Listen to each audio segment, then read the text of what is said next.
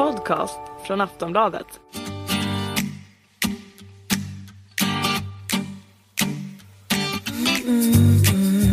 Du lyssnar på podden Aftrus med mig, Helena Trus. I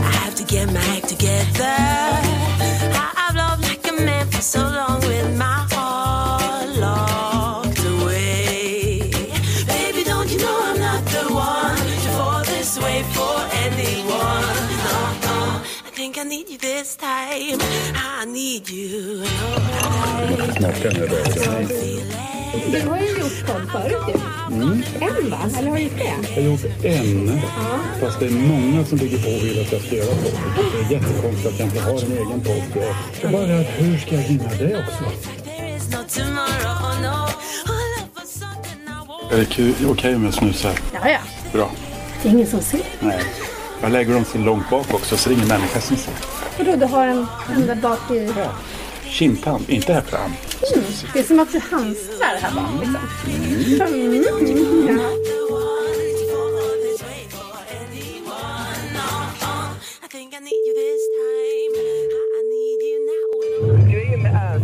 Att han är precis det där. Även om man kommer hem till honom och hälsar på så är det som att... Alltså han är likadan där som han är framför rutan. Och han, han har ju varit gift med sin Ulla, sen, eller ihop med henne sedan han var 16 år. Han har ju varit, liksom, haft samma härliga förhållande och omgift en gång till och med med henne ganska nyligen. De förnyade sina... Det ni inte vet om är att han har förnyat sitt eh. Eller Nej, vad heter det? Han har gift sig en gång till. Det Pirre. ja. Du hörde direkt vem det var? Ja, ja, ja. ja, ja. Pirre Pirre... pratar ju väldigt högt. Så att man hör ju, man hör ju att det är han. Så det. Som Pirre står där borta och pratar så Ja. hör man ända hit vad han säger. Okej, Mm. ja men det är bra. Den Men, är så här, han är likadan som han är framför rutan. Vänta nu. Ja, ja, men, för alla som tror att du är en helt annan människa. ja, och framför rutan, då är man liksom inte i, utan då är, man, då är, då är det är en dimension till. Ja, Privat Han kanske- framför rutan, han kanske i pratar i rutan. någon slags filosofiskt... eh, Ja, Jag vet inte. ja, han är härlig. Han är härlig, herregud. Men du, han slängde ju bara ur sig där att ni har förnyat era löften Mm. Ulla. När gjorde ni det? Åh herregud, det här är ju ganska nyligen säger han. Då ljög han lite grann. Det här är nog eh, fem eller sex år sedan tror jag. Fem år sedan kanske. Pirre har ett annat tidsperspektiv. Ja, han har det. Han har Och det. Han har det. Och anledningen till det var ju att dels att vi älskar varandra väldigt mycket men också att vi plötsligt var tvungna att köpa nya ringar för att vi hade så tunna ringar både Ulla och jag så de hade liksom ätits upp av sig själva så det blev ingenting kvar. Så då köpte vi nya ringar och då sa vi att "Nej, men vi ändå köper nya ringar, kan vi inte göra något? Och det där var väldigt fint faktiskt för att vi fick ju då ta med oss människor i det sammanhanget som inte var med när vi gifte oss. Och det som var häftigast av allt det var att våra söner var med båda två, vuxna. Eh, och det är någonting som, som, eh, som var väldigt starkt. Liksom, att, att de faktiskt... Sen tyckte de att va? Varför ska ni göra Men, men jag tyckte jag ty, vi tyckte att det var, det var helt rätt. Så hade vi kompisar som, som spelade och sjöng lite. Och, så och jag måste säga att jag hade exakt samma handsvett som jag hade första gången. Det kändes nästan på ett sätt starkare för jag kände att jag var mycket mer närvarande än vad jag var vid första tillfället där det var mer liksom ett storståtligt bröllop och folk och hit och dit. Så det var häftigt, det kan jag rekommendera. Ja, verkligen. Vad häftigt. För man tänker ju så här, det kan ju nästan vara en liten sorg. Att, för jag gifte mig för tre år sedan. Alltså, jaha, ska vi inte göra det här igen? Fast det kan ni göra. Ja, du det vet. kan min det. rekommendation till dig då det är att göra det i ett läge när du känner att det vore jättekul med en, en fin fest Mm. och när du känner att du har väldigt mycket sköna människor nära. Mm. För att, att få bjuda dem då, det blir liksom Nej, men man skulle kanske göra det en gång per år egentligen. Men alltså, förstår du att, Mm. att hedra kärleken överhuvudtaget. Det är så mycket annat vi har fester för, kräftor och allt möjligt. Men kärleken. Och speciellt i en värld och speciellt en kändisvärld där förhållanden... Spricker hela tiden. Ja, Ja, jag, hör, jag märker ju det att, att många tycker ju, nu vet jag inte vad du har för inställning, men många tycker att det här är lite konstigt att Ulla och jag har varit ihop så länge. Eh, och, och för mig blir det konstigt eftersom det är någonting av det mest självklara jag har i mitt liv. Det är det att jag, jag lever ett väldigt, försöker leva ett väldigt medvetet liv och när jag, när jag märker och vet att den kärlek vi har tillsammans bär och att jag är nöjd och jag blir starkare tillsammans med Mm. henne än utan. Ja, nej, men då spelar ju inte år någon roll. Nej, bara- gud nej. Och ni har väl varit gifta i, är det 30 år? Eller Nej, vi, vi har haft, vi har haft fyra silverbröllop så det är 26 Ja, eller 26. 27 år nu. Ja. Visst är kärleken häftig? Ja, men alltså. Vad är det som händer? Det har, skrivit, det har skrivits sånger om kärleken sedan Mm. urminnes tider. Vad är kärleken för någonting? Jag tänker så här, är det ett roulettehjul som snurrar och plötsligt pekar det på någon? Jag menar när du träffar din man. Ja. Hur sannolikt Nej, men var det, det, ja, men det, kon- ja, men det konstiga är ju om man träffar någon som är, i mitt fall, jag vet inte hur det var för er, men som man har känt i flera år. Och som Mm. helt plötsligt så Mm. ser man varandra. det händer någonting? Ja. Och det är väl, alltså, ja, det är tillfälligheter och ja, ja, ja det där är, det är något eh, över, över våra huvuden på något vis. Ja, och som vi ska vara så tacksamma för att vi får, får bli utsatta för. Liksom, att, man Mm. får, att man får hals över huvud kastad. Jag har någonstans sagt också att varför ska man gå den logiska vägen för när det finns så många andra spännande vägar? Och just kärleken sorterar ju under att det är ganska ologiskt. Mm. Jag menar, du är född, född av en kvinna, din man är född av en annan kvinna på helt olika platser. Mm. Och så händer det saker och så plötsligt står ni framför varandra. Mm. Och sen tänker ni så här att Nej men jag kan nog tänka mig att försöka älska dig resten av livet. Hur logiskt är det? Ja, ja, vi håller på och det googlar ju- ihjäl oss på allting liksom, Mm. för att allt ska gå så snabbt som Ja. möjligt.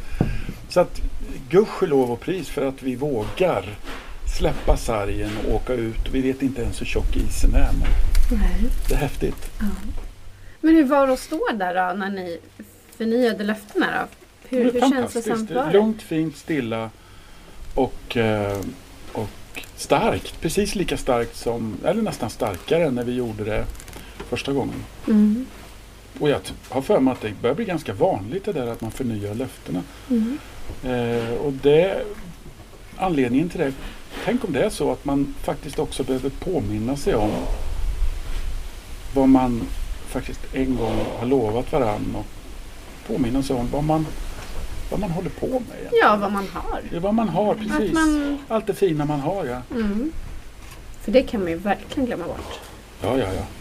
Ganska lätt. Vi har ju så bråttom idag med allting så att, så att man eh, får nog ibland stanna upp. Och, ja, och då, i vårat fall var det det här med att vi köpte nya ringar för de gamla Mm. hade blivit så möra, Mm, får tunna. jag se på den? Ja, den ja. Och du, håll, du har ju på den här jämt såklart när du Alltid, alltid, bygger alltid, och alltid, alltid. gör diverse. Ja. Eh, Så att då, då sa vi det, då, då gör vi så. Ja, vad fint. Ja. Ja. Jaha, det hade Pirre, Jo, det hade- Pirre berättat för dig. Ja. Jaha. Jag pratade med honom på telefon här strax Mm. innan vi träffades. Vi, jag sitter, nu har ni, ni hör ju vems röst det här är. Det är ju Ernst Kirchsteiger och vi sitter utanför, strax utanför Örebro. Ja, just det, på ett ställe som heter Täby, inte så långt från Precis. flygplatsen eh, i Örebro. Mm. Eh, mitt ut på bondvischan. Om man tittar sig runt omkring här så ser det nästan lite sådär eh, skånskt ut. Norra Ja, Skåne. Det känns som att väldigt- vi är på Österlen. Ja, på något sätt. Det är alldeles platt och eh, fint ju. Och solen skiner. Och flaggan är hissad. Jaha, flaggan är hissad. Det är fantastiskt. Den är helt ny den där flaggstången också. Ja, Så vi har liksom Pirre har gjort grinden. Jag ritade grinden, Pirre gjorde den. Visst är den vacker? Ja, jättefin.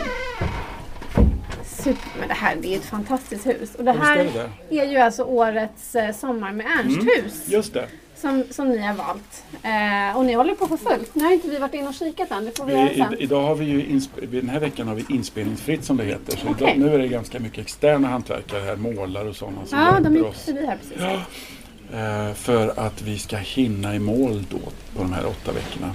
Eh, Ja, eller det- tio veckorna. Så att, men vi hinner. Det går bra. Det går bra. Inte alls stressad. Nej.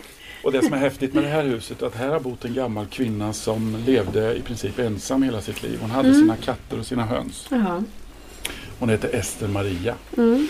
Och Ester Maria, jag ska visa dig en bild på henne sen. Mm. Hon var så otroligt vacker.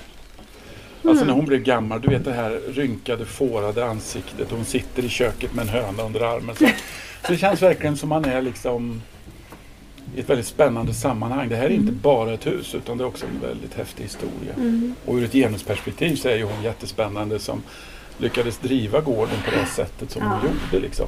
Ja, det är ju mång, många hus runt om här. Ja men det är det. det är det. Och själva huset är stort här som hon levde i också. Så att det, ja, spännande. Det är fantastiskt vackert. Mm. Och här, hur länge har ni spelat in eh, I maj började vi. I år var det bra. Förra året em, så var ju vintern så seg så att då Mm. fick vi faktiskt flytta snödrivor innan vi började. Hallå snödriva i bild, kan de flytta där? Eh, I år så var det ju faktiskt vår ganska tidigt så vi Mm. drog igång eh, enligt planerna då i, i maj där. Mm. Och sen har vi hållit på här. Eh, Det blir ju mitt liv. Alltså när jag går in i de här perioderna eh, av filmning, speciellt sommarmännisk men även julmännisk så, så är det som att jag går in i det fullt ut. Liksom. Det är inte bara att doppa tån i det utan man, jag blöter ner hela kroppen. Jag andas det här, jag lever det här, jag tänker på det hela tiden. I alla detaljer hela tiden. Och eh, eh, Det där är ju Ja, alltså jag kan nog inte göra det på något annat sätt. Jag tror inte det. det. Det är klart att det kan vara slitigt ibland då när man, när man så fullt går upp i någonting så att ingenting annat blir viktigt. Nej. Nej men precis, hur påverkar det familjen till exempel? Att, Men de är så vana, du vet. Jag har hållit på i Ja. 15 år. Ja, i ja, de vet. De vet. Det är ingen idé att ringa. Nej, nej, precis. De vet att nu, nu är det en sån här period och då, då kräver den 100% av, eh, av mitt tänk. Och jag kan liksom sätta mig och börja skissa sent på kvällarna och jag skriver recept och jag håller på. Så att, men, men det gör ju också att det blir väldigt mycket mitt projekt i det att jag, att jag ehm, Nej, jag kan inte göra det på något annat sätt. Jag måste göra det så.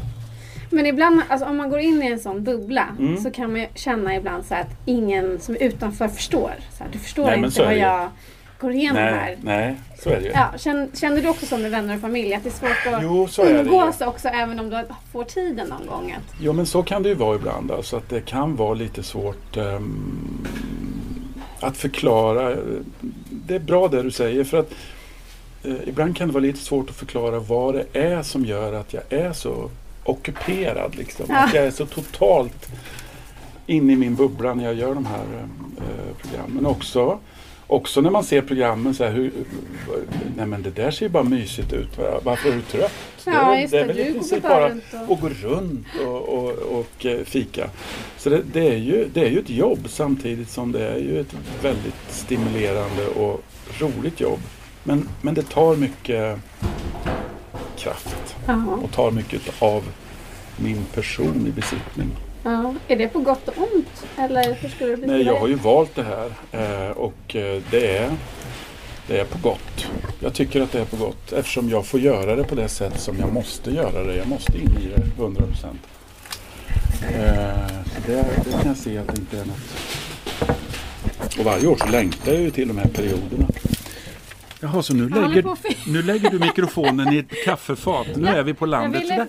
Lite. Ja, men det vart ju bra. Det är en liten mackapär här som, som är lite känslig. Jag kände att Fast den är väldigt komma sådär elegant. närmre. Det ser ut som en, för er, för er som lyssnar så ser det ut som en, det ser ut som en liten svamp egentligen med något svart skydd längst fram. Ja. Det är mikrofonen. Då. Nu ligger Ja. den på ett kaffefat. Och på det här lilla runda bordet så står det citronlemonad och så står det en doftpelargon och blåvitt porslin så att ni förstår att vi, har, vi Ja. går ingen nöd på oss. Nej, och Nej vi ser ut över gröna ängar och Mm. solsken. Och så när jag hissar flaggan bara för att ni ska komma också. Ja. Visst är det härligt? Kan inte bli bättre. Nej. Men du, hur känns det att vara liksom en sommartradition som du faktiskt är? Det, är- många? det är jag ju väldigt stolt över naturligtvis eftersom sommaren är ju en, en tid som väldigt många människor relaterar till och vi här uppe i Norden vi längtar ju hela tiden Mm. till sommaren. Eh, sen så försöker vi använda vintern och hösten så gott det går men, eh, men på något sätt så är det som att vi pikar på sommaren. Om det då är så att människor faktiskt har valt in mig i sitt sätt att tänka sommar. Det är klart att jag blir stolt som en tupp och tänker att Tänk att jag, den här tvåmetersmannen, fick, fick plats i så många människors liv. Liksom. Mm. Ehm, Det är ju ett, både ett ansvar men också något som jag är på ren värmländska görstolt över. Jag är Görstolt. faktiskt. Det är. Men, men just att gå in i ett nytt, eh, nytt år med sommarmänniska. Ja. Liksom, kan du tveka i att gå in i en ny säsong? Just Ja. för att du har det, liksom den pressen man säger, på dig att det ska bli ett nytt fantastiskt program. Alltså liksom. så är det ju och jag kan tänka mig att, eh, att människor eh, som exempelvis eh, ger ut musik, som ger ut skivor Ja. eller vad det är för någonting. Och så har de gjort en bra skiva och sen så börjar det bli dags igen. De har mycket idéer, mycket texter, mycket och så börjar det bli dags igen att göra en skiva och då, då är det klart att man ju påminns om att den förra gick jättebra och hoppas det här blir lika bra. Fast det där är också en motor som man kan använda har jag upptäckt. Alltså att, att, att inte liksom slappna av för mycket utan att hela tiden tänka att, att eh, det här vill jag, det här ska jag göra så bra som möjligt. Och nu är det en telefon som vibrerar i min ficka kan jag säga då. Det är inget uppringnings-id så då ringer Ja, vi. det där är obehagligt. Nej, då är det min familj. Så det är ingen av dem har uppringnings-id. Det var riktigt trevligt. Ja. Ja. Eh, ja, så att, så att du, du, det var ingen tvekan om att göra Nej. en till säsong? Säga. Nej. Och allra helst när det är så att jag får välja de här husen helt själv. Mm. Så det är ingen som säger till mig att nu ska vi göra ett stort hus på Närkeslätten utan vi åker runt och tittar på alla husen och eh, sen får jag bestämma själv vilket av husen som jag eh, känner mig mest relaterad till och som jag, som jag tror på helt enkelt. Och det här huset var verkligen ett sånt hus. Mm. Har ni varit ute och kissat nu eller? Ja. Det är en hund jag pratar med nu som är... Ja, det, Ernst kan även prata med hundar. Ja då. Eh, om ni inte visste. Ja då. Speciellt med, med trassel. Är det trassel? Eller rassel heter han. Rassel. Rassel. Rassel och trassel. Mm. Ja.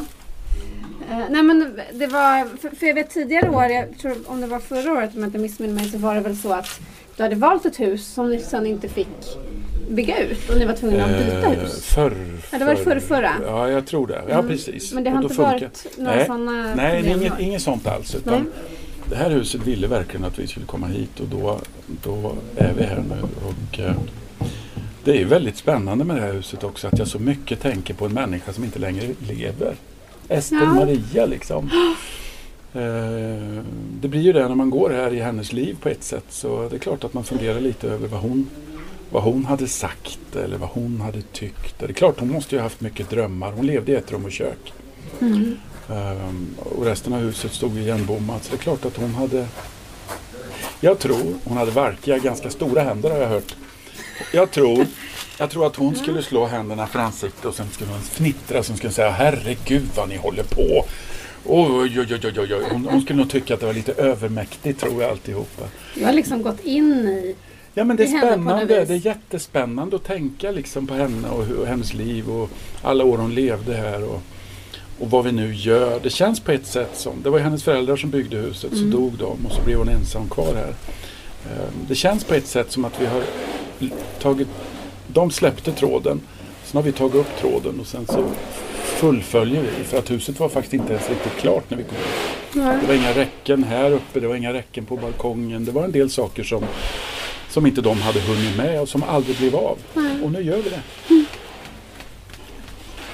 Så det känns nästan som att du återupplivar henne på något vis, eller?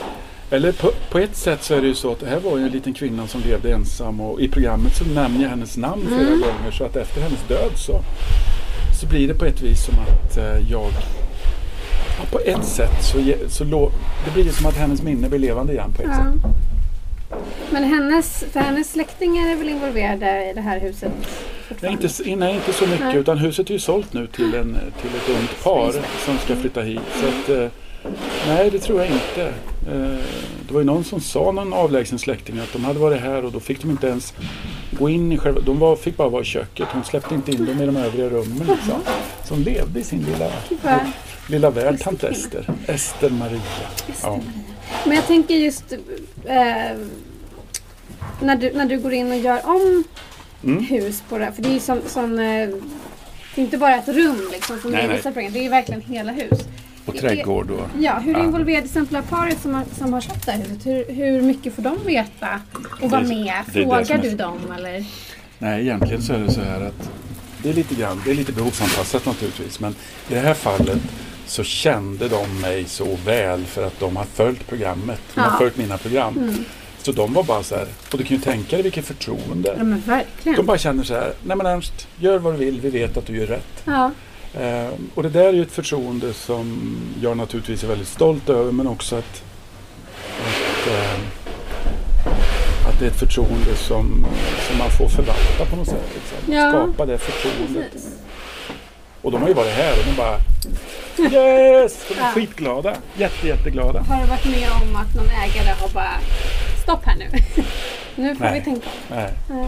Jag tror att det beror på att jag är en ganska försiktig general. Jag gör väldigt sällan saker som ska vara fräcka, balla och läckra. Nej. Utan jag tänker nog väldigt mycket med huset och husets eh, egen eh, vilja.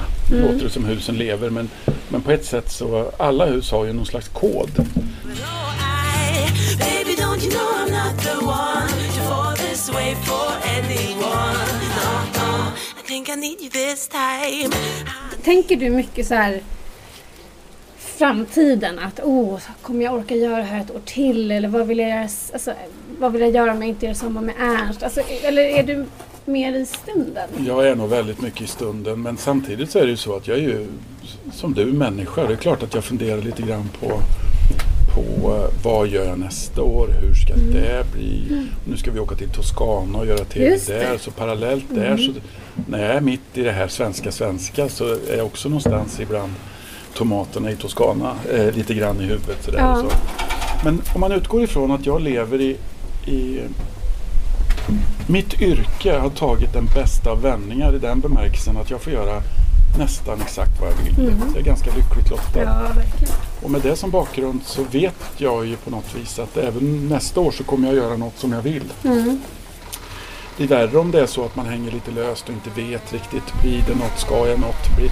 Men på något, det, det, det rullar och går och eh, Nej, så jag kan inte säga att jag är nog jäkligt bra att vara närvarande i stunden ska jag säga. Mm. Och någon som sa till mig, men Ernst, det du pratar om det är, det är mindfulness. Jag hade aldrig hört talas om Ja, det. Utan jag har, nog, jag har nog det inbyggt i mig på ett sätt Mm. tror jag. Eh, en förmåga att Araberna brukar ju, Araberna säger att de, nu är det en dörr som gnisslar. Araberna brukar prata om att de sätter sig ner och väntar in sin själ, säger de. Fast de gör det bokstavligt talat, de bara tvärsätter sig så. Mm. Eh, Jag tror att jag är ganska bra på att göra det. Inte att sätta mig ner och vänta in min själ, men däremot sätta mig ner och reflektera, Mm. tänka. Mm. Jag har inte så bråttom i huvudet tror jag. Mm. Och det, det är nog en nyckel till att dels att jag fortsätter att vara kreativ och, och fortsätter att njuta av. Jag kan tycka det här att du och jag sitter här och pratar kan jag tycka är en jättehärlig Mm. sak. Mm. Eh, att, att inte tänka att hoppas det här snart är över så jag kan göra något annat. Ja, utan precis. bara liksom, nu sitter vi här och du har dina blå naglar.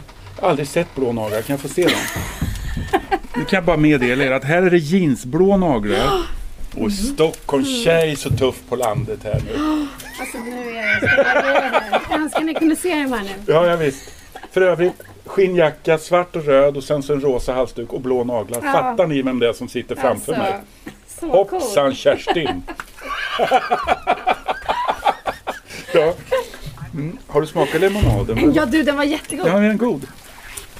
Och vad- det är någonting som låter i din Ja, ficka. jag sitter på min telefon. De har ju börjat prata nu de här. Men det låter som en GPS. Eller? I'm really sorry about this. But I can't talk any... Take any request right now. Nej, min telefon Va? säger så här att hon är väldigt ledsen. Ja. Vadå, den pratar med dig? Ja, men alltså det är en sån där du vet man kan... Ja. Ja. Ja precis. Det säger ju en del om den tid vi lever i. Nu har telefonerna till och med börjat be om ursäkt. Det var en kvinnlig röst ur Ernst bakficka. Inget konstigt alls. Inget konstigt alls, nej. Men, men vad, skulle, liksom, vad skulle få dig att, att sluta göra det här programmet då? Sjukdom.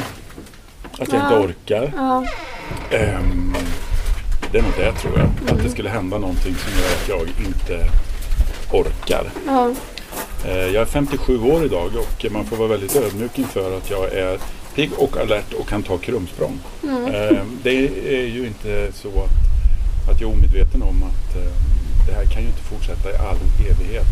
Även fast man på fyran säger att Ernst, vi vill gärna att du jobbar här till du blir 75.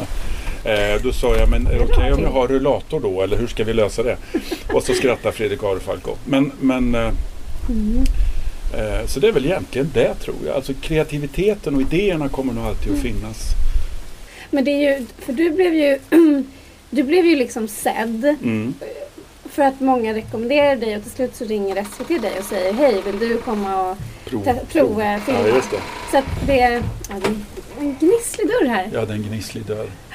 Men det, så, så ska det vara i, i I gamla hus, ja. Då ska det vara lite sådär.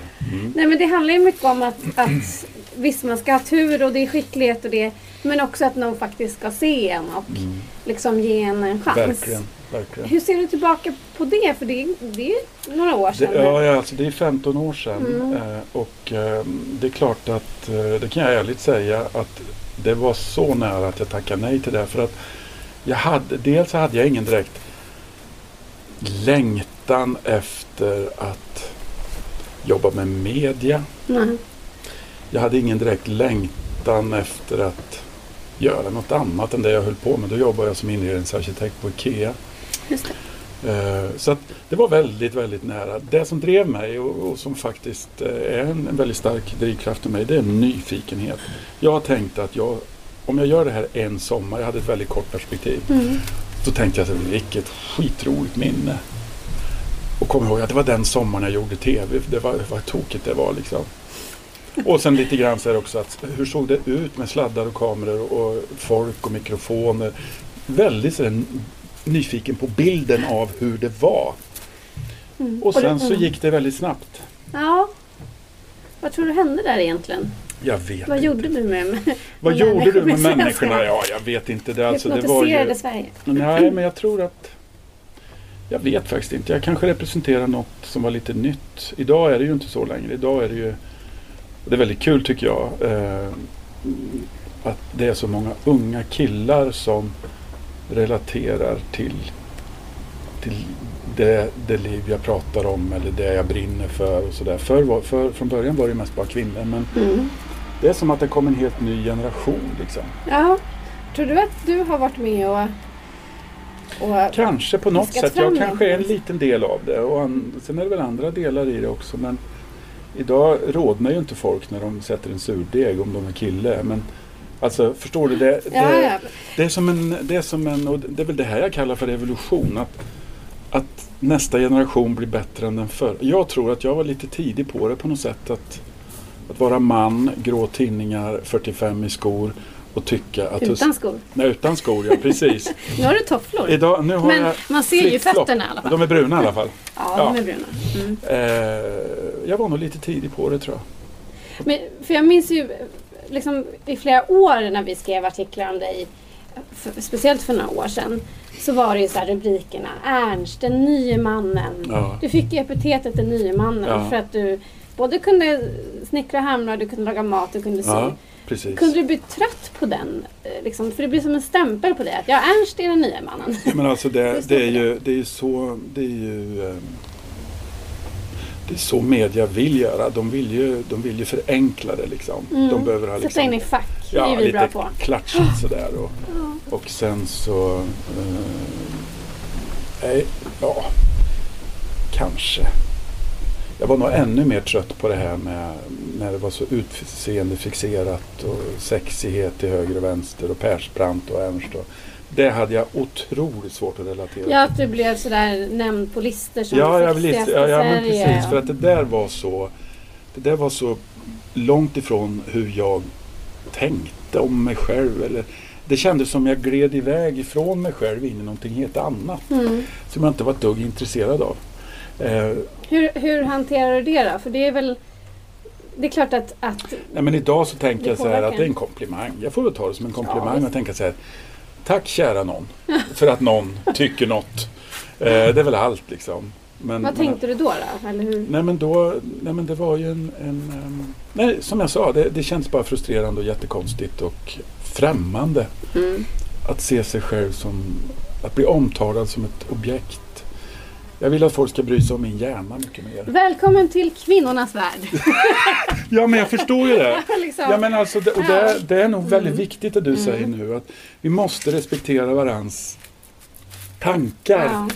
Ja. Eh, och vad är skönhet? Alltså när Mm. vi kommer till den frågan så är det en programserie som du och jag skulle kunna göra som innehåller 20 program. Mm.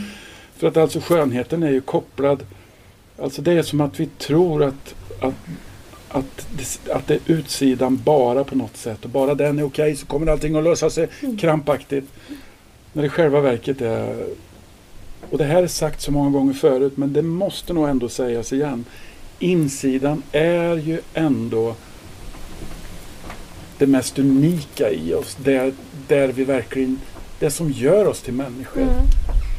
Hur vi relaterar till varandra och hur godhjärtade vi är och hur kloka vi är kanske. Eller hur bra lyssnare vi är. Mm. Eller, där i finns ju, tycker jag, grund, grunden till skönhet.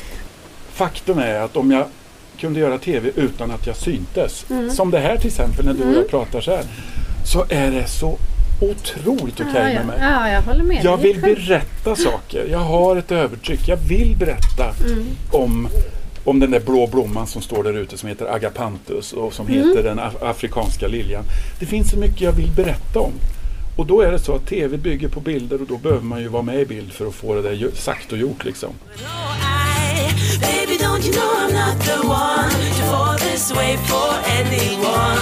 No, no, think I need you this time. I need you. Är det så att du pendlar? För du, du, det kan inte vara så långt till Nej, du bor. Jag har, bara, jag har bara ungefär en halvtimme hem. Ja, så du pendlar? Ja, jag pendlar. Jag åker hem eh, och sover i min egen säng. Ja, och det är bra. Då får jag en omstart varje morgon. Och, eh, sen tar jag med mig lite, du vet, det, det är lite kul sådär. Folk brukar fråga så här, men hur ser det ut hemma hos dig? Ja, brukar jag tänka, hur svårt är det? Mycket av det ni ser Mm. Är faktiskt mina grejer. Jag, Mm. jag tömmer ju, eller jag tar med mig grejer hemifrån. Jag skarvar i mig. Och likadant om man ser de eh, miljöerna jag har gjort och plockar lite här och lite där och så. Så för man ihop allt det där så, så är det väldigt mycket mitt, mitt eget hem. Det som finns nära mig och det som, som känns på riktigt för mig. Liksom. Men är ditt hem... För det, Fryser du eller? Nej, Nej. gör du? Nej, jag bara tänkte. Jag bara tänkte. Du bara tänk... Lite ståpäls, men det går Ja, bra. Det går bra. Man håller vi- sig Vill du att det går in? Titta nu flyger pappa. Ja. Nej, nej, vi, vi sitter kvar. Vi sitter kvar Det är ändå vi sommar. Ja, Det är så så här typiskt svenskt! Vi sitter och småfryser. Nu är det. Ja. Nej men, men det är inte ofta man ser, eller jag tror aldrig sett bilder från, från ditt hem. Nej. Är det väldigt privat? Det är väldigt privat, ja. Det är ju så att ehm, det här är lite spännande. Alltså, mitt hem i början där så var det ju väldigt mycket sådär att då ville folk hem till mig och jag förstår varför. Jag är inredare. Ja, det men jag är klart man, jättenyfiken på hur det ser ut. Men eh, på något vis så blev det som att eh, man måste också dra olika gränser och mitt hem blev en gräns. Mm. Ehm, och det är ju, jag har andra gränser också faktiskt. Det är, jag tror att många upplever mig som en väldigt generös person som berättar och berättar om allting och så. Men de skulle bara veta hur mycket av ett universum som finns bakom där som du, som du fortfarande inte känner till. Så där kan du ju inte säga. Jo men så är det. Och det, det, är också, men det är också ett sätt att hushålla med sig själv. Det är också Mm. ett sätt att stå ut med sig själv. Och det är också ett Mm. sätt att, att veta att jag har mer att ge. Mm. Ehm, Så därför så,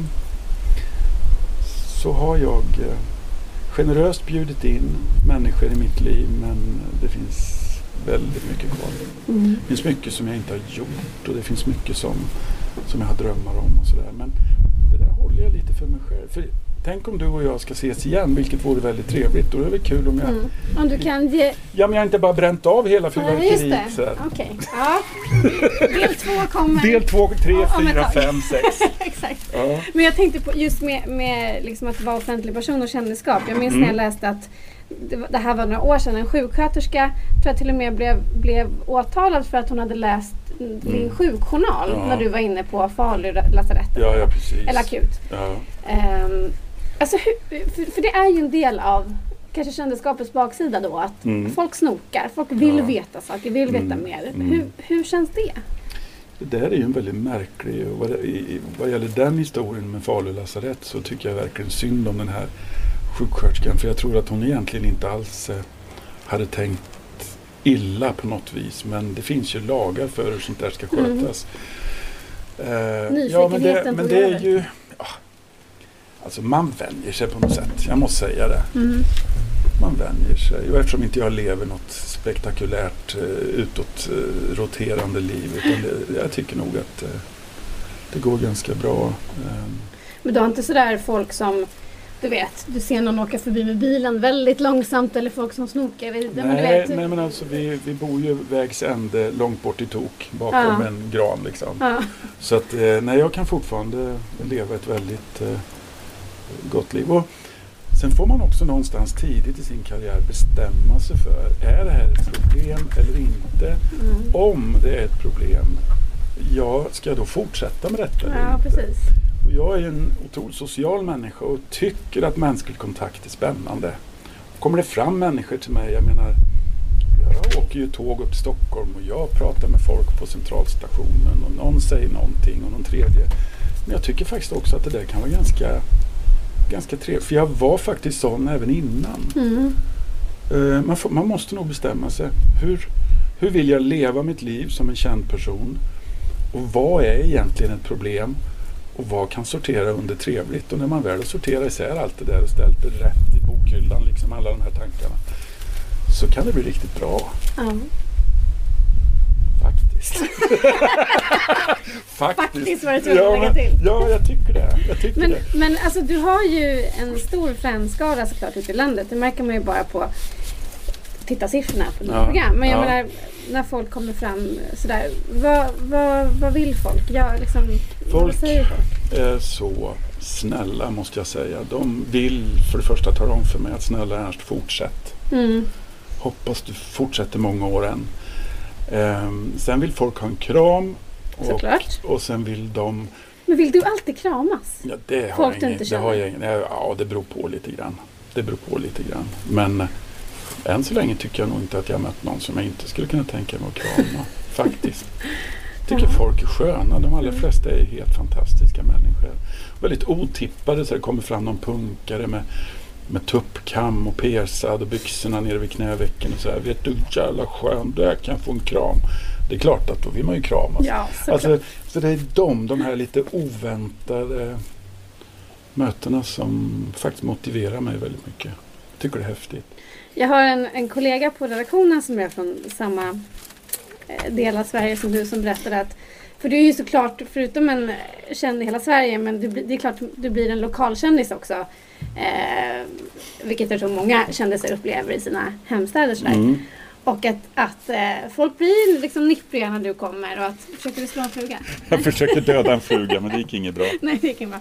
Nej, men att, att det kan vara lite sådär, eh, vad ska man kalla det, frä, fräcka eh, förslag. Så här, oh, kan du, Ernst ville dra upp drag, dragkedjan på min rygg. Alltså hon berättade att, att kvinnor kunde bli lite såhär, oh, liksom, vill jag, ja, men vill jag ha din uppmärksamhet. Mm. Känner du igen dig i den? Nej det vet jag inte om jag Beskrivningen. känner igen så mycket utav.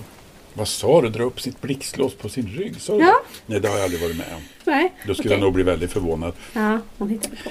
Nej men alla vill väl ha uppmärksamhet och om det är så att och det är inte bara kvinnor utan det är liksom generellt, det är män och de vill berätta om sina projekt och sådär. Så att, och om det är så att min uppmärksamhet, om jag ger två minuter av min uppmärksamhet, en minut av min uppmärksamhet till någon och det gör att de mår så mycket bättre eller tycker att det är härligt. Då är ju det inget att tveka på. Mm. Då är det inget att tveka på. Men jag sitter här och ger dig en massa uppmärksamhet Mm. och det gör jag med glädje. Mm. Alltså, återigen, vem vill man vara? Man måste ställa sig den frågan. Vem vill jag vara? Hur vill jag bli uppfattad? Och vad mår jag bra av att vara? Och i mitt fall så, så försöker jag förhålla mig väldigt enkelt och rakt mot människor som på något sätt tar kontakt. Och de som inte tar kontakt, ja de förhåller jag mig till på det sättet. Att inte konstra till allt så Mm. mycket. Det skulle vara en sak om jag gick runt och kände mig mer värd än någon annan.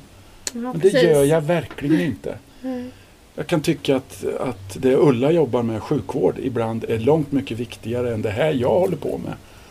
Jag kan tycka att du som skrivande journalist gör ett jätteviktigt jobb för vår demokrati. Om inte det, om inte det sköts på rätt sätt så spår, kan det ju spåra ur. Visst. Så att det gäller också att förhålla sig till andra och förstå att, att mitt jobb är inte viktigare än ditt eller någon annans. Mm. Och i det då, i möte med andra människor så, så blir det inte så jävla konstigt. Nej. Men, men när känner du att du, du behöver stänga dörren då? Det behöver jag ganska ofta. Ja.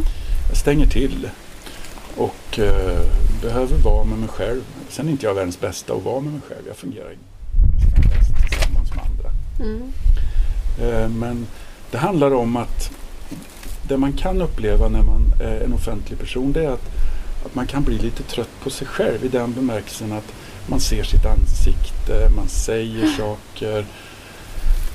Och ibland tänker jag, men hjälp, det där pratade jag ju om, om tre, för tre år sedan också. Stackars de som ska behöva höra det här en gång till. Jaha, om ditt, om ditt liv menar Ja men du, precis. Och, Ah. för så mycket händer ju inte i mitt liv så att jag kan leverera en helt ny kaka varje nej, år. nej. Men jag går ju runt med mitt liv. Liksom. Jo, men jag tänker, jo, det gör det ju.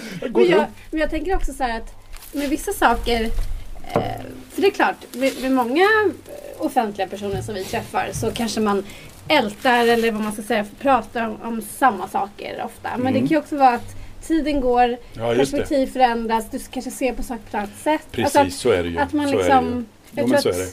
Men absolut, jag förstår att liksom Ibland kan man ju få så här déjà vu och bara oj det där har jag sagt förut. Mm. Ja, precis. Ja. Ehm, men, men på frågan om att stänga till så Mm. gör jag det. Och även ibland stänger jag också till tillsammans med andra människor där jag liksom inte Speciellt under inspelningsperioder och, och speciellt på inspelningsplats så, Ja. så kan man inte vara übersocial alla timmarna för vi jobbar många timmar. Hur många timmar om dagen blir det? Ja men det, alltså, det kan bli upp till 8, 9, 10 timmar ibland. Och det är det, det, är det med att göra sommar-tv. Det är ljust så länge så att man kan, ja, ja filma, visst. man kan filma. glömmer bort tiden. ja. Då det är myggen jag, som Ja precis. avgör. Eh, flugorna här. Gud, vi har haft, Jaha, så, mycket, vi har haft så mycket flugor. okej. Det var därför jag försökte slå en. Ja. Men, eh, men då är det så att då försöker jag hushålla med energi som jag kallar det för. Då är det så att då kan inte jag vara supersocial hela tiden. Utan då, då har jag faktiskt sagt till teamet, jag är inte sur. Jag behöver bara liksom coola ner, ta det lugnt. Så går jag och smurfar runt lite grann och sådär. Och sen när det är dags att filma, då kan jag liksom leverera. Men, men att vara vara übersocial hela tiden, det, det, det, det kan jag inte vara. Nej, men jag tänker så här att det kan ju vara jobbigt om man är en person som folk uppfattar som väldigt positiv, glad, Mm. hela tiden den som håller alltså, Mm. ger folk energi. Och så precis så har man kanske någon timme på dagen eller hela dagen där man känner så här, jag vill inte prata med någon, jag vill Ja. bara vara själv. Ja. Och då kan ju folk uppfatta, "Ha, oj, är, har det hänt något? Är du Då, är det, sur? Alltså, då är det viktigt att man säger det. Det Mm. brukar jag göra faktiskt. Mm. Jag brukar säga det att idag är jag lite trött. Så ni kommer att se mig gå och smur, smurfa runt här Mm. lite grann. Men jag är inte sur på något sätt. Jag Mm. behöver bara liksom ta hand om den potten energi jag har för att göra ett så bra jobb som jag, jag kan i rutan. men kan du, för precis då tänker du ändå så här steg längre att oj nu kanske de tror Mm. att jag är jo, jo. sur. Jo, inte jo. det lite, kan det vara jobbigt att behöva förklara då att nej, nu, Jag tycker att det är logiskt. Jag tycker alla skulle göra det. Jag tycker man skulle göra på alla arbetsplatser faktiskt.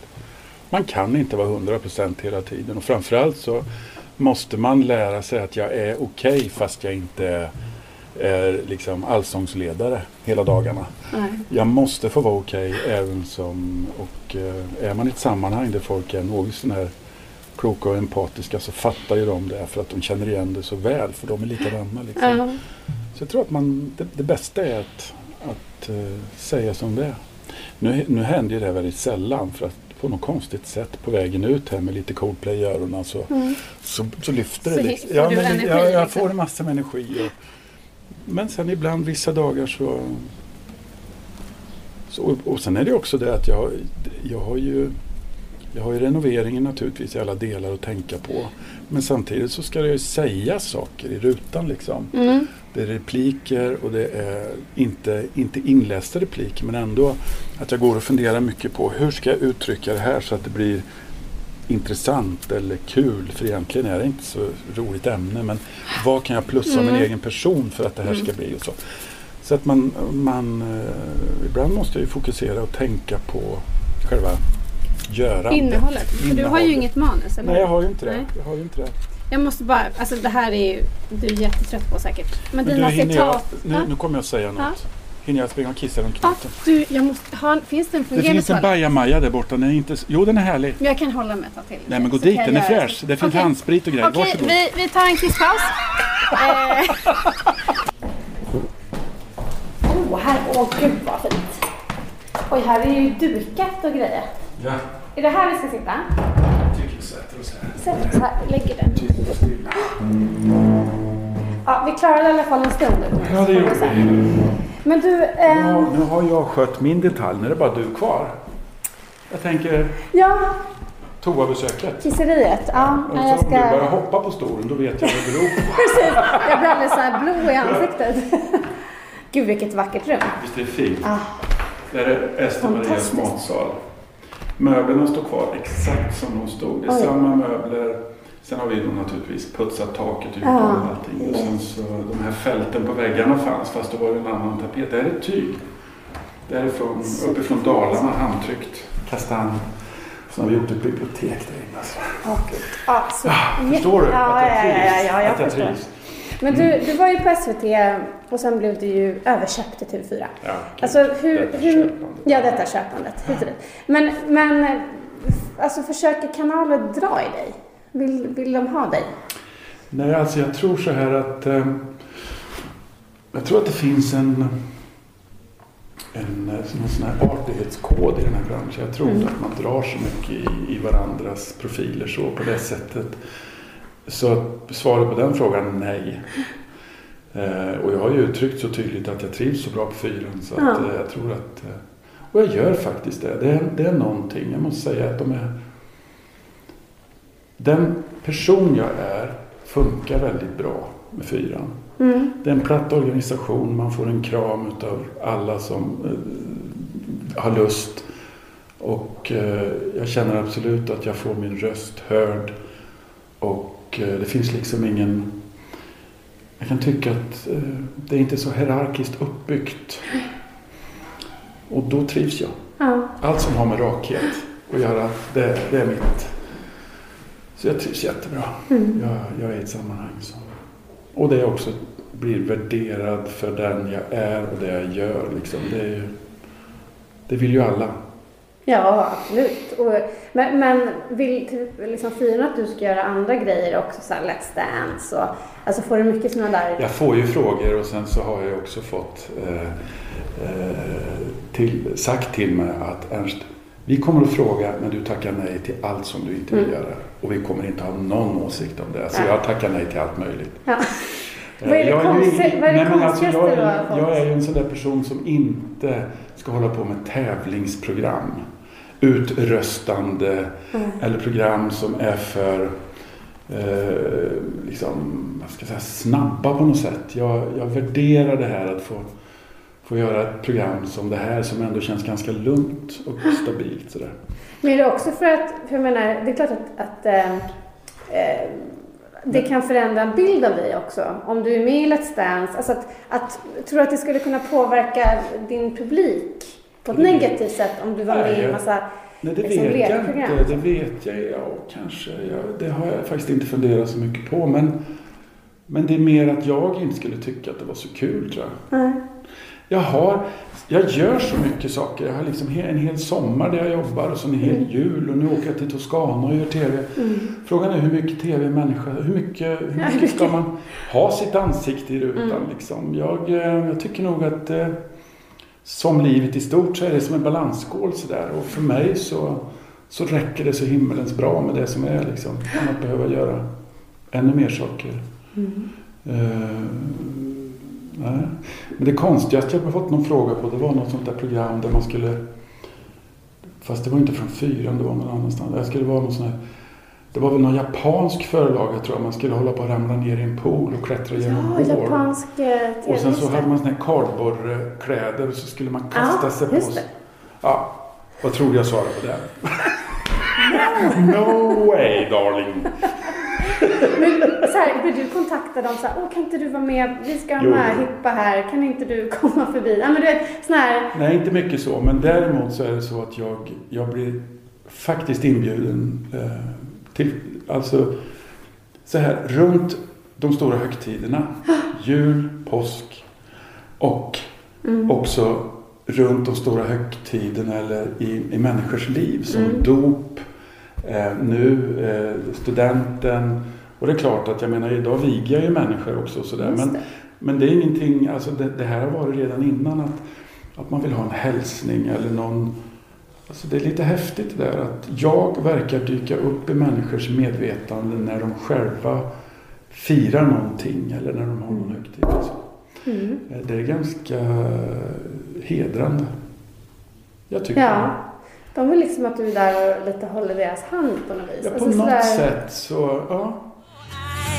Baby, don't you know I'm not the one to fall this way for anyone?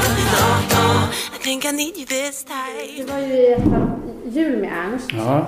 När du gjorde en ängel som du hängde i granen för Min din, bror, ja. för din bror, Ja, din det. äldre bror som gick bort. ja. Öppnade det upp också för att många hörde av sig till dig när de gick igenom stora sorger? Ja, alltså jag tror att människor ändå upplever mig som en person som kan hantera stora känslor och som Mm. inte är rädd för känslor överhuvudtaget. Och det har väl gjort att, eh, att, eh, att jag, jag tycker att jag upplever att människor bjuder in mig ganska långt i deras liv Mm. utifrån någon form av förtroende. Sådär. Och där ser jag ingen skillnad på män och kvinnor. Eller den här väldigt spännande publiken, den yngre publiken som verkar ha fått Alltså någonstans mellan 16 och 25 har jag en jättepublik. Som skriver, som hör av sig, som... Och jag tror att... Jag vet inte om vi nu pratar om den här nye mannen förut som Mm. jag nu blev kallad. Jag tror att de har ju vuxit upp med mig i rutan. 15 år är ändå ganska lång tid. Ja, visst. Ehm, Så att det finns någonting där som... Ja, det, det är både förvånande och otroligt eh, spännande tycker jag att... Man pratar mycket om målgrupper. Mål, Mm. Vilken målgrupp gör vi det här programmet för? Men jag kan säga att den målgruppen den, den bara Mm. luckras upp. Mm. Liksom. Det, det, blir, det är svårt att säga att den stämmer. Men hinner du svara? För jag tänker om, om folk skriver långa brev om Mm. någonting de har varit med om. Mm. Eh, svarar du på allting? Det hinner jag inte. Nej. Däremot så försöker jag svara jag, försöker svara, jag kan inte svara varje del det de har skrivit om. Men Mm. däremot så försöker jag få dem att förstå att jag har läst brevet Mm. och jag uppskattar förtroendet. Och, eh, och så skickar jag en hälsning. Mm. Eh, Och det tycker jag är det minsta man kan begära om man sätter sig och skriver ett långt brev. Att de får en idé om att någon levande människa eller att jag Precis. har läst det. Ja. Så det, men Är du rädd för att göra folk besvikna? Alltså när de ändå tar kontakt med dig så? Jag tror jag har någon form av artighetspatos. Ja. Jag försöker förhålla mig artig i livet. Eh, mot dig och mot alla jag möter Mm. så försöker jag att... Det finns ju ett, ett uttryck som att vara mot, mot andra som du själv vill bli behandlad. Mm. Och det är inte svårare än det egentligen. Mm. Det är inte svårare än det. Jag tycker någonstans att... Eh, eh, återigen, vi, vi, just det här med att allt är så snabbt och man googlar och man skickar hälsningar till höger och vänster. Eh, jag tror att vi måste vara bättre på att vara artiga mot varandra. Och då Mm. menar inte jag artig genom att bocka och så, utan mer okej, nu säger du saker till mig som faktiskt kräver något av mig. Då ska jag ge det tillbaka till dig. Så att Mm. du känner att, att, eh, att du är nöjd. Och då blir jag nöjd. Mm. Något som är, är tabu att prata om i det här landet Mm. är, ju, är ju döden.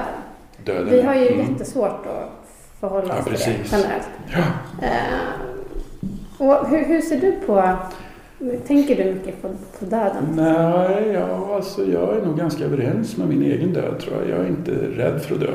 Nej. Inte alls. Eh, Jag har en... Och det, det kommer ju ur att jag faktiskt har funderat en del på det. Jag har också jobbat med sjukvård och tagit hand om döda Ja, människor precis. och sådär. Så att Mm. jag, jag vet ju vad det innebär och jag har varit med då eh, vid dödsbädden, både mamma och pappa och sådär. Eh, nej, jag är inte rädd för att dö, dö alls. Eh, vet du, det här kan låta jättekonstigt. Jag tror att, jag tror att inte förrän man förstår att man ska dö så kan man fullt ut bli levande. Mm. Ja. Förstår du vad jag menar då? För att, för att jag tänker att om man bara liksom, ja men jag äter nyckelhålsmat, jag äter fibrer, jag äter gujebär, jag äter det så jag ska bli 1500 år gammal liksom. Då blir ju döden ett misslyckande. Shit, dog jag? Vi jag ska som har, hålla oss unga så ja, vi som har gjort allt rätt liksom. Mm. Och jag yogar och jag grejer och jag mojar. Och... Men, men när man på något sätt kommer överens med att, att man ska dö, då... Jag har någon, jag har någon gång sagt att man, man, man måste dö för att bli levande. Eh, och då menar jag att, att det faktumet att, att jag vet att jag ska dö och du vet att du ska dö. Alla ska dö, bara det att vi kommer att dö lite olika tider sådär. Gör att jag känner att jag får en lust på det som är nu. Att jag Mm. får en lust på livet. Och då kan jag liksom du, vet saker som, som kanske riskerar att ta över ens eh, tankar och så. Att då kan man liksom bara, men shit jag har ett liv som Ja, pågår. jo, ja. Jag har ett liv som pågår. vara på det man har. Ja, jag har ett liv som pågår. Och jag kommer att möta mycket spännande människor och vissa kommer jag att dela med mig mycket med, andra inte. Och nu var det någon som sa något kul om det och då vill man lyssna och, och bry sig. Vad det gör också, det, det är, kommer vi tillbaka till Palle igen, men alltså det här att möta människor. Det Mm. att möta människor. För mig är inte det någonting som, och det är lite märkligt i den här branschen för att när man jobbar med TV så är det väldigt mycket snabba möten, nya team, nya Mm. hit och dit. Och då är det så att vissa av de här människorna börjar man ju tycka om ut, mer än att det bara är en arbetsrelation. Så är det ju när man och då försöker jag hålla kontakt med dem och om jag ringer då sådär bara Tjena tjena, du kanske är någon fotograf som jag jobbade med för tre år sedan. Jag vill bara, jag vill bara höra hur det är med dig. Du, du blir ju pappa då när vi jobbar. Och då blir jag helt tyst. Men kommer du ihåg mig? Ja men det är klart jag gör. Och vad schysst av dig att höra av dig. Ja, men jag är inte schysst, jag, jag bryr mig faktiskt. Så det är också en del av det här med att man vet att jag har, jag har inte begränsat med tid utan en vacker dag, just det där att faktiskt vårda dem man tycker om. Mm. Men har du kommit mer till sådana insikter? För du har ändå haft stora förluster i ditt liv med Ja. både dina föräldrar Ja, och ja. en äldre bror. Mm. Alltså har det bidragit till att, att du tänker på det här Ja. sättet? Jo, men det kan hända att det är så. Att jag, precis, men så är det ju. Jag ser ju, jag ser ju det liv de har levt, jag ser Mm. mitt liv. Jag ser att deras liv har avslutats och jag ser att jag har mitt kvar. Ja, ja Eh, och jag eh, vill leva det. Jag vill leva det och jag vill utsätta mig för olika situationer, olika människor. Jag vill leva i det stora och jag vill också leva i det väldigt lilla. Jag vill vara tyst, jag vill vara verbal. Alltså att Och känna doften av de här. Ja, känner en pionerna? ja, alltså det doftar så gott här inne. Vi kan väl beskriva buketten som står på Ja, det, bordet. det är en Det är- explosion av... En jättevacker bukett. Det är dagliljor och sen är det ju, sen är det ju eh, fläder. Sen är det en enkel vildros och sen är det då rosa pioner. Har du plockat det här? På, nej, Nej, det där, det där har Gunilla plockat på vägen hem då. Mm. Så att, Nej, fantastiskt. visst är det fint? Men jag undrar... Och då när man ser det här, Mm, ja. då kan man känna sig levande. Mm. Alltså det, det kan vara i bara små, små detaljer så kan man plötsligt inse att Fan vad jag är lyckligt lottad som Mm. får se pioner liksom. Ja, ja, ja. Här sitter vi, jag blir nästan lite gråtmild. Ja, det är härligt. Det är härligt. Men hur, hur liksom, vi alla har ju varit med om mer eller mindre förluster i livet. Ja. Hur, hur, skulle, hur har du hanterat att leva med att du faktiskt har förlorat så Mina- nära familjemedlemmar? Alltså, det är ju... Det är klart att det är sorg. Mm. Eh, så är det ju när man förlorar någon. Det vet ju alla som har förlorat en mormor eller mamma Ja. eller pappa eller någonting. Mm. Men samtidigt så har det gett mig livsmotivation och det bästa sättet att hedra de som en gång har dött, Mm. Det är att leva. Mm. Förstår du vad jag menar? Att jag är ju en frukt av min mamma och pappa. Eh, någonstans där uppe i, i Värmland så tillverkar de mig, säkert i någon arbetarsoffa i arbetarbostäderna. Mm. Det bästa sättet att hedra dem är att jag lever på liksom, Mm. och att jag minns dem. Och det är det viktigaste. Inom kyrkan så pratar man om att man ska få evigt liv. Det där köper jag inte riktigt. Men det sättet att få evigt liv det är att minnas. Jag brukar ibland träna mig lite på så jag kommer ihåg hur de lät och vad pappa skrattade åt och sådär. Och då blir den ju levande. Så det är i mig de finns. Då kan jag känna, varsågod och lev Ernst. Kör på liksom. Hedra dem genom att vara den du är. Och lev, lev ditt liv. Ehm, så det är egentligen ingen sorg i det utan det är mer, det är mer en uppgift att hålla dem igång. Att berätta anekdoter för mina egna barn om det dyker upp såna minnen från mamman och hon gjorde roliga saker. Och så. Hon var ju skitkul min mamma. Och komma ihåg att berätta det för mina barn för vem vet en vacker dag så kanske de berättar det för sina barn. På det sättet så blir en familj ju levande trots att vissa familjemedlemmar inte finns kvar längre. Ja, det skulle nog, jag tror många skulle må bra av att se livet på det sättet. För man kan ju bli så paralyserad av, av döden. För att man inte vet hur man ska hantera den. Men Nej, det, Mm. och att, att döden inte är ett misslyckande. Det börjar nästan bli så att, Mm. att man undrar vem, vem kan jag stämma nu när mormor dog? Liksom. Det är inte riktigt så. Nej, men, Mormor men var är nästan hundra. ja. Hon måste för herrans namn få dö någon gång. Liksom. Men det är nästan så det kan bli. Man vill, man vill hitta någon syndabock och man vill... Ja, alltså- allra helst, du vet, när vi Ja. lever i en tid där hälsa är så genomformulerat. Mm.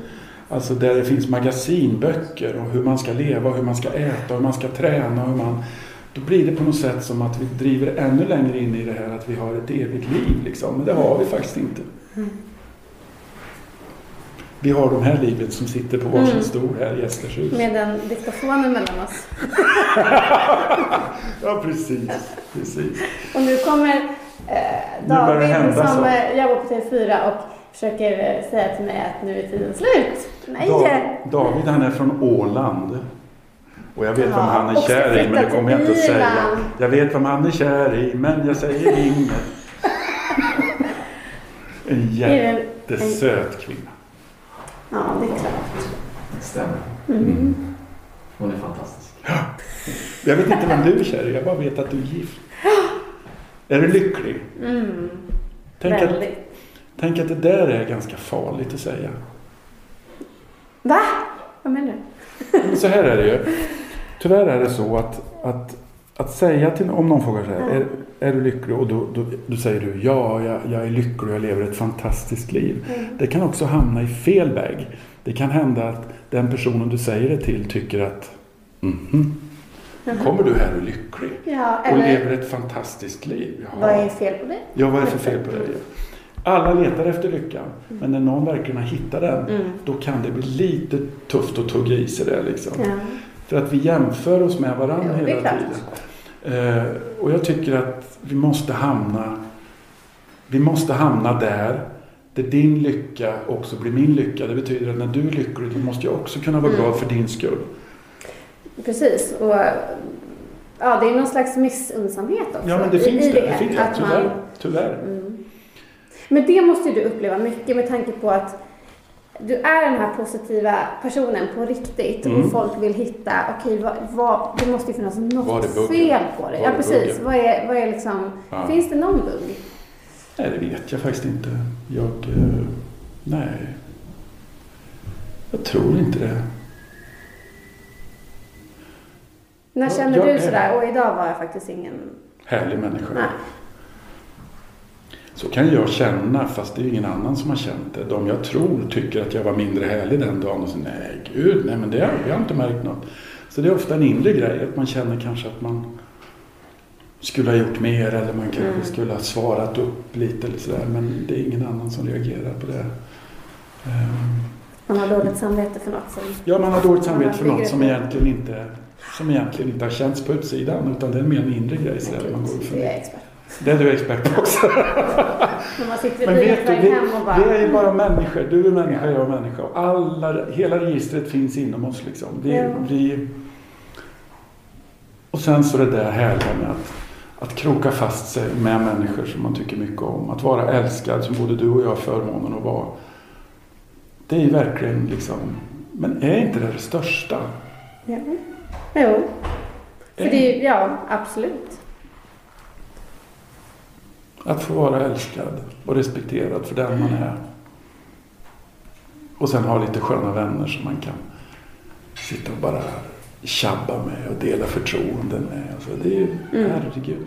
det, är nästan, det känns nästan som de skulle kunna ta bort allt annat. Bara man har varann på något sätt. I, baby, don't you know I'm not the one to fall this way for anyone? Think I need you this time.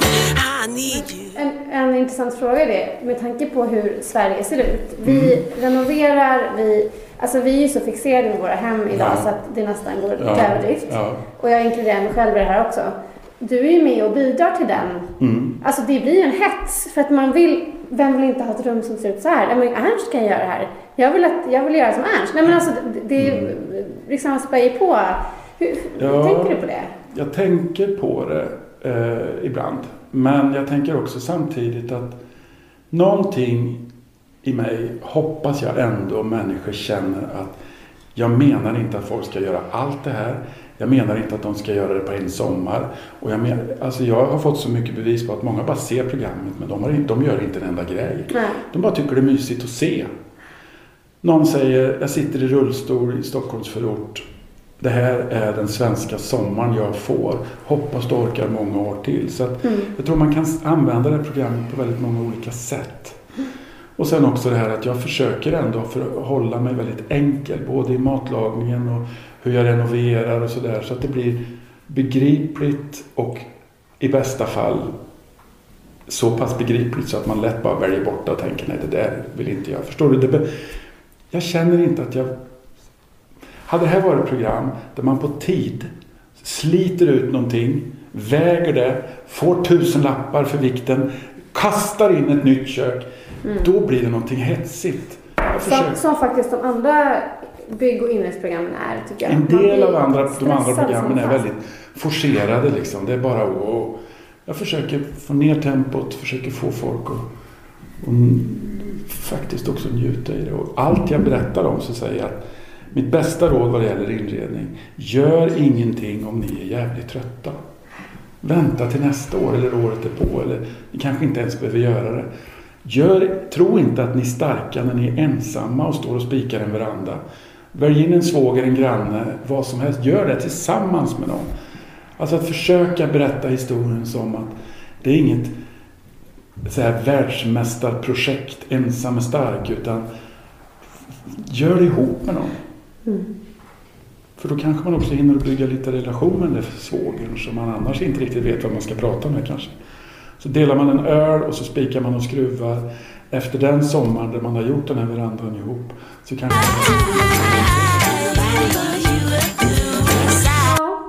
Nu måste du gå och kissa annars inte jag som ja alltså jag tror inte du förstår. hur Jag ser i dina ögon, det börjar bli så här, det börjar gå vågor. Jag försöker dofta mycket till blommorna så jag tänker på något annat. Du, tusen tack. Det är jag som tackar. Det här var väldigt, väldigt kul tycker jag. Du har lyssnat på podden Aftrus med mig, Helena Trus. Och ni lyssnare är ju såklart superviktiga. Hör av er med frågor, kommentarer, antingen på Twitter eller Instagram. Där heter jag aftrus. Ni får också gärna mejla mig på helena.trus.aftonbladet.se. Den som klipper podcastavsnitten är Andreas Hansson. Men vill ni skylla något på någon så är ansvarig utgivare Jan Helin. Ett extra stort tack till Antonia Vai som har skrivit vignettlåten Macho Woman. Hej då! Nobody but you. Nobody but you. Nobody but you. Know what we'll do. Nobody but you. And nobody but you.